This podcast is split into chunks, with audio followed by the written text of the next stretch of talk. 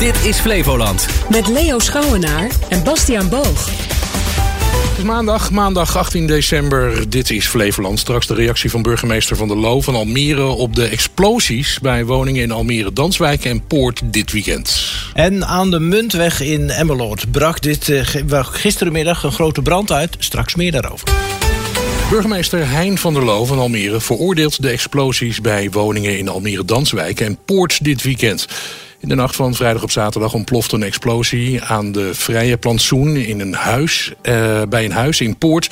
Een nacht later was er een flinke knal aan de woning aan de Verleta-weg in Danswijk. Ja, en dat allemaal niet voor de eerste keer. Verslaggever Roy Blokzeil sprak over de incidenten met de burgemeester van Almere. Burgemeester van der Loo, uh, het was een onrustig weekend uh, hier in uh, Almere met twee explosies en een schietpartij. Ehm, wat vindt u ervan dat het zo onrustig is dit weekend? Nou, dat zijn momenten waar onze inwoners ongelooflijk van schrikken. En ik vind ze onacceptabel. Het is zeer te betreuren dat dat in onze stad gebeurt. Zeker zoveel in één weekend. Dus uh, ja, uh, ik veroordeel dat. Gisteren heeft u ook uh, één pand gesloten waar dus een explosie was voor twee weken. Dat is een Almere Poort. vandaag dus een explosie in de Danswijk. Kunt u nog andere maatregelen nemen? Nou, ik kan een aantal maatregelen treffen. Ik kan mensen verbieden ergens te ver verblijven in een bepaald gebied. Dat heet een gebiedsverbod. Ik kan camera's plaatsen en ik kan een woning sluiten. Dat laatste, dat doe ik niet licht. Want dat is een uh, ingrijpende maatregel. In dit geval, uh, in het uh, vrije plantsoen, heb ik dat gedaan om de veiligheid in de buurt te garanderen. Nou, hoor je veel geluiden inderdaad bij, bij de buurtbewoners dat ze toch een beetje angstig zijn. Wat, wat, kunt u, wat kunt u daar verder nog voor doen? Heel veel in contact staan met de mensen. Ik ben ook vrijdagnacht uh, naar de brandweerkazerne gegaan waar de mensen opgevangen zijn. Er zijn twintig uh, woningen ontruimd. Mensen zijn daar opgevangen. Ik ben met ze in gesprek gegaan. En ik heb ze ook verteld dat we hier bovenop zitten. En dat we de maatregelen treffen die nodig zijn uh, om het gevoel van veiligheid te borgen. Kun je nog meer maatregelen nemen uh, met politie bijvoorbeeld? Nou, alle politiediensten zitten hier ook bovenop, ook in preventieve zin. He, dus daar waar we kennis hebben dat er een risico is op zo'n incident, nemen we natuurlijk al maatregelen. Maar je kan dit nooit 100% voorkomen. Uh, en ja, dat is nou eenmaal wat het is. Uh, maar we zitten er met alle diensten, ook bij politie, bovenop. De VVD in Almere wil met de burgemeester in debat over de reeks explosies. De brandweer is gisteren nog druk bezig geweest met het nablussen van een brand in een boerderijschuur aan de Muntweg in Emmeloord. De brand brak gisterenmiddag rond kwart voor vijf uit. Rookwolken waren tot in de verre omgeving te zien. Woordvoerder Marlies Emmelot van de brandweer. De brand is uh, ontstaan in een uh, leegstaande schuur, of boerderij eigenlijk. Uh, en op, dat, nou op het moment dat het met brandweer aankwam, was het, was het al uitslaand. en op dit moment laat ze het gecontroleerd afbranden. Er is ook sprake van misschien mogelijk dat er nog iemand binnen was? Die, uh, die geruchten hebben we inderdaad ook gehoord. En daar zijn we uh, ook uh, nou, natuurlijk goed, goed, naar het kijken. Ehm, dus op dit moment zijn er geen slachtoffers. Maar wat er ja, binnen in het pand, omdat het, zo, het vuur zo groot was, het was zo heet, weten we niet wat er, of er nog mensen binnen waren. en op dat, dit moment is het naar binnen zo instabiel eigenlijk en zo heet dat we ook niet nu naar binnen kunnen om dat te onderzoeken. Dus dat wordt, ja, in de loop van morgen wordt daar wordt dat meer duidelijkheid over gegeven. Nou, het is een leegstaande schuur. Uh, is er iets meer duidelijk over de, de, de oorzaak? Is het dan aangestoken? Want ja, het kan toch niet zomaar ontstaan? Nee, het is inderdaad een leegstaand pand. Dus uh, ja, brandstichting is een van de opties. Uh, alleen weten we dat ook niet zeker. En daar gaat ook uh, meer onderzoek naar gedaan worden. Maar ik zie ook een drone vliegen. Wat doen jullie daar dan mee? Ja, de drone die kijkt, nee, die kan kijken waar de, of er nog brandhaarden zitten. Hè. Want het kan van de buitenkant misschien lijken dat de brand uit is. Maar dan kan het van binnen nog steeds wel branden. Dus die kijkt ook vooral van waar zitten er nog hitteplekken. Dat wordt dus niet gebruikt om te kijken of er nog iemand ligt daar of zit, is daar. Dat durf ik niet te zeggen. Vanochtend gaat het onderzoek naar mogelijke slachtoffers in het pand dus verder. Bij daklozen denken we al snel aan een zwerver op straat. Maar er zijn veel meer dakloos, waaronder de zogenaamde economische daklozen. Dit zijn mensen die vaak gewoon aan het werk zijn... maar door omstandigheden tijdelijk geen woonplek hebben... en slapen bij bijvoorbeeld vrienden. In Flevoland is onduidelijk hoeveel er van dit soort mensen zijn... terwijl er wel manieren zijn om meer zicht op die groep te krijgen... door een andere manier van tellen... Rodney bijvoorbeeld uit Lelystad is zo'n economisch dakloze... en laat onze verslaggever zijn woonruimte zien van 3 bij 3 meter. Dit is wat je kunt krijgen als je zes dagen in de week werkt. Rodney, een veertiger uit Lelystad. Hij woont, dus leeft en slaapt op een kleine kamer. Het is zijn thuis. Mensen hebben altijd een oordeel klaar van... eh, Goh, je hebt, maar je hebt toch een, ha- een, een, een dak boven je hoofd. Ehm, dat is enigszins waar. Maar ehm, dat, dat, dat houdt eh, een paar weken stand. En daarna wil je meer. Dan verwacht je meer. eh, Waar loop je tegenaan dan? ik loop eh, tegen het feit aan dat de muren op mij afkomen. Ehm, als, je iemand, als jij een mens bent, dan, dan wil jij eh, jezelf kunnen bewegen. Jezelf, kun, jezelf kunnen zijn in je eigen veilige haven. En dat, eh, dat, kan, nu, dat kan hier niet. Rodney was iemand die alles op de rit had. Een vrouw, een dochter en werk. Maar na een scheiding in 2017 raakte hij zijn onderdak kwijt. En hij is niet de enige die dit overkomt. Esmee Wiegman van Valente ziet het veel vaker. Valente is de landelijke vereniging voor organisaties die hulp bieden aan kwetsbare mensen. Bij economisch dakloze mensen gaat het over het algemeen over mensen die niet zozeer eh, begeleiding nodig hebben omdat er allerlei andere aanvullende problemen zijn. Maar het probleem is geen stabiele huisvesting hebben. Het kan zomaar een collega van je zijn op je werk. Die wel gewoon elke dag gewoon eigenlijk nog best netjes eh, op het werk verschijnt. Maar dat je eigenlijk geen idee hebt waar hij eh, de nacht eh, heeft doorgebracht. Misschien wel op de bank bij een familielid of bij een vriend. Of misschien woont die persoon al wel heel lang in zijn auto. En ja, heeft hij her en der een adresje waar hij eens even kan douchen en zijn, zijn kleding kan wassen. Rodney heeft na zijn scheiding weliswaar geld en werk. Maar juist omdat hij bijvoorbeeld niet verslaafd is of andere problemen heeft, komt hij tussen wal en schip terecht. Huren lukt niet. Het is te duur of hij voldoet niet. En kopen is ook geen optie door de overspannen woningmarkt. Voordat hij zijn kamer vindt, woont hij zelfs even op straat. Precies onder die boom, in het verlengde hier, lag ik dan. Dan legde ik mijn slaapzak neer. En eh, dat, dat was wel mijn dieptepunt.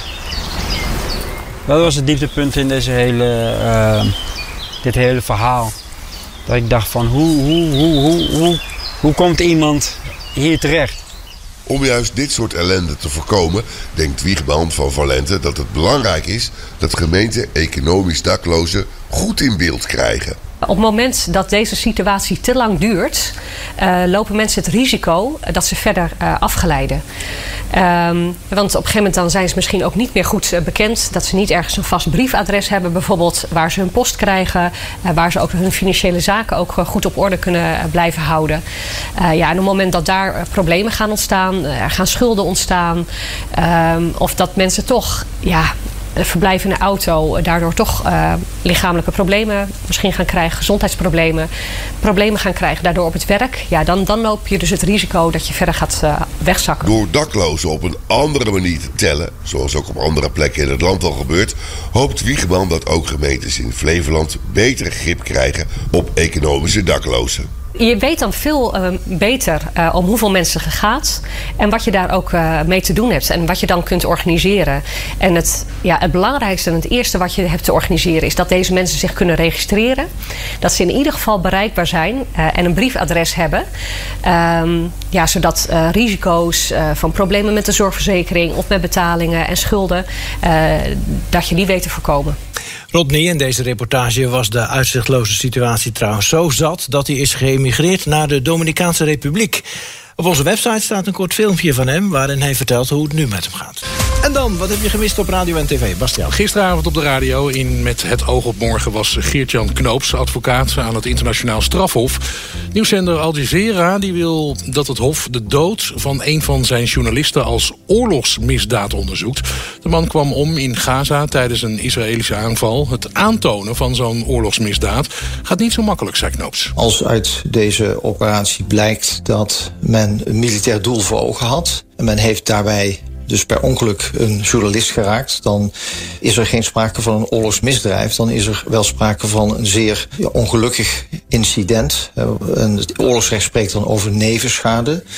En het probleem bij het vaststellen van een oorlogsmisdrijf... is dat er ook aangetoond moet worden... dat de intentie heeft bestaan om een burgerobject te raken. De openbaar aanklager Karim Khan doet nu al onderzoek naar eventuele oorlogsmisdaden in het eh, conflict. Volgens Knoops is het nu moeilijk om in deze oorlog onderzoek te doen. In dit conflict, Israël-Hamas, er geen sprake is van uh, eigen onderzoeksteams van het strafhof die zich op het grondgebied van Gaza bevinden. Dus de aanklager Karim Khan is nu afhankelijk van informatie die hij van derde partijen krijgt. Ja. Uh, dus moet u denken aan uh, de informatie van de IDF zelf, van Hamas zelf of van internationale organisaties. Omdat de partijen die het op dit moment de strijd voeren geen toestemming hebben gegeven om het strijdtoneel te betreden om daar onderzoek naar te doen. Het radioprogramma Pointer was in Delft. Daar is veel ophef in de Indische buurt. De woningen zijn oud en slecht geïsoleerd. Woningcorporatie Stedelink is daarom aan het kijken of ze de huizen kunnen slopen en nieuwbouw neer kunnen zetten. Alleen, ja, dan is het nog niet zeker of oude bewoners terug kunnen keren. Zij Zakaria El Ketabi, bestuursvoorzitter van Stedelink. Op het moment dat het plan er ligt mm -hmm. en met elkaar duidelijk is wat we gaan doen, gaan we ook in gesprek over een sociaal plan. En in dat sociaal plan maken we afspraken over bijvoorbeeld terugkeer een terugkeergarantie. Maar, maar, maar speelt hij dan op de achtergrond ook mee dat u, dat u de buurt wil mengen? Dus dat u, dat u andere bewoners er ook terug wil hebben? Niet zozeer. Wat wel speelt is dat we kijken naar de diversiteit van woningen. Dus op het moment dat we aan nieuwbouw gaan werken... en uh, naar het gebied kijken, zullen we natuurlijk ook kijken... wat voor type woningen hebben we nu... en welke type woningen zouden de wijk nog kunnen verrijken. Plan leidt tot veel zorgen bij buurtbewoners, onder wie Bert van der Meer. Als je kiest om te verhuizen, is het iets om naar uit te kijken? Word je ja. Ben je gedwongen te verhuizen? Op dit moment weet je ook helemaal niet waar naartoe. Dat is natuurlijk heel veel meer dan uh, vervelend. Ja. Het, houdt je, het houdt je wakker. En dat was gisteravond op radio en tv. Tijd voor de sport. Almere City FC heeft gistermiddag de laatste competitiewedstrijd van het jaar gewonnen.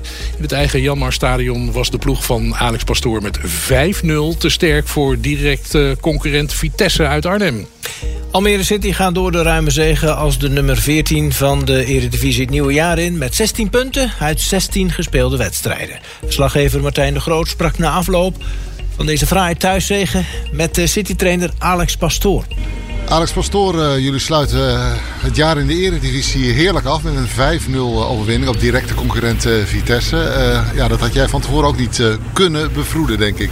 Dat heb ik alleen maar gedroomd. Ja, je benaderde van tevoren deze wedstrijd als een finale. Die win je dan met 5-0. Ja, het moet ongelooflijk zijn.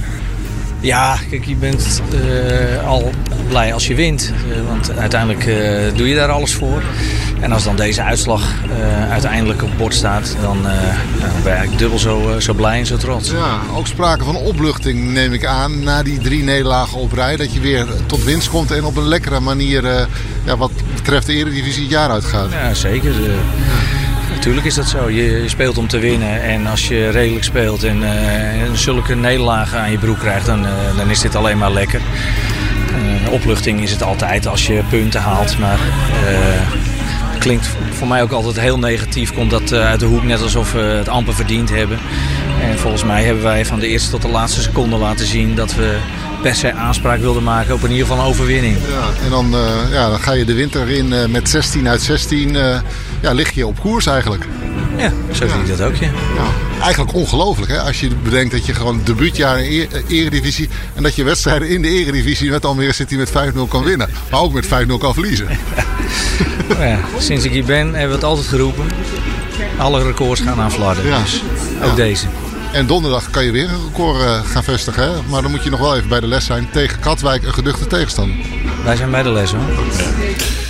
Alex Pastoor was dat, de trainer van City FC. Komende donderdag speelt zijn ploeg dus de allerlaatste wedstrijd van 2, eh, 2023. De Almere spelen dan in de tweede ronde van het toernooi om de KVB-beker een thuis, uh, sorry, uitwedstrijd tegen Katwijk. Dat speelt dus in de tweede divisie. Verder met uh, amateurvoetbal. SV Urk ging de winterstoppen in met een flinke kater. De derde divisionist verloor zaterdag vrij kansloos met 3-0 van Dovo. Vooral over de eerste helft was Urk-trainer Peter Wesselink ontevreden. Waar we normaal gesproken denk ik vrij sterk in zijn, waar Urk vrij sterk is, dat we in duels komen. Nou, dat hebben we heel veel gehad op het middenveld met name. En uh, nou, gaan we terugkijken, die hebben we geloof ik allemaal verloren. Uh, waardoor, we, waardoor zij steeds het duel wonnen. eh, daardoor een man over hadden. En eigenlijk een beetje afgetroefd werden. Eh, dus eh, ja, dat is een beetje mijn beleving van, van, van met name de eerste helft.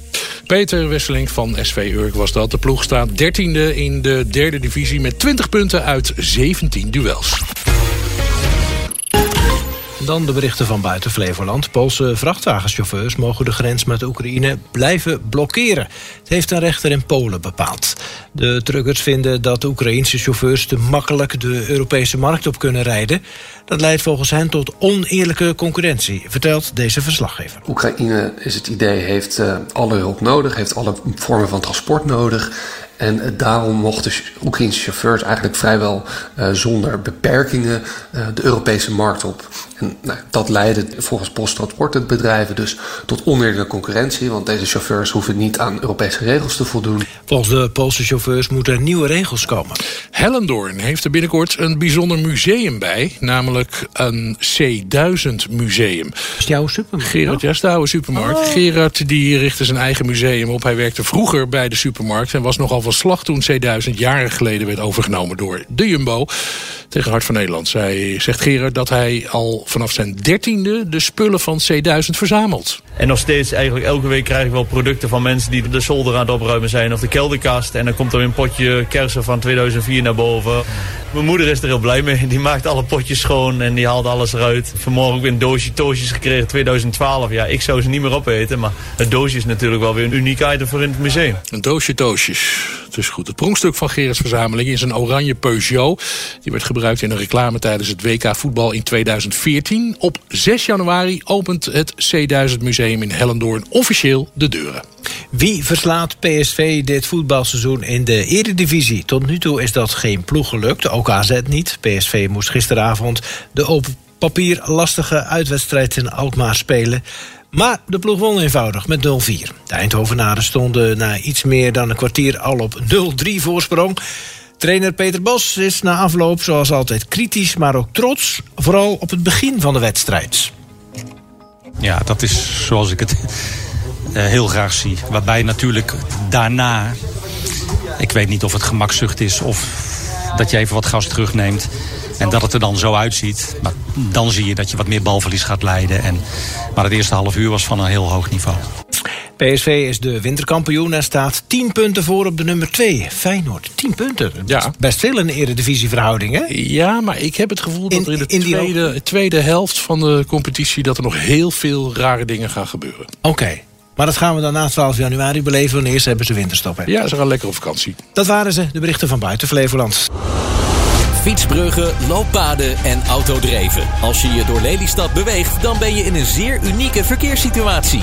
Tot op de bodem is het geschiedenisprogramma van Omroep Flevoland. In vijf afleveringen onderzoeken verslaggevers Jaap van den Biesen en Marvin Hop waarom dingen zijn zoals ze zijn. Dit keer onderzoeken ze het gescheiden verkeer in onze provinciehoofdstad. Tot op de bodem zie je komend weekende bij Omroep Flevoland.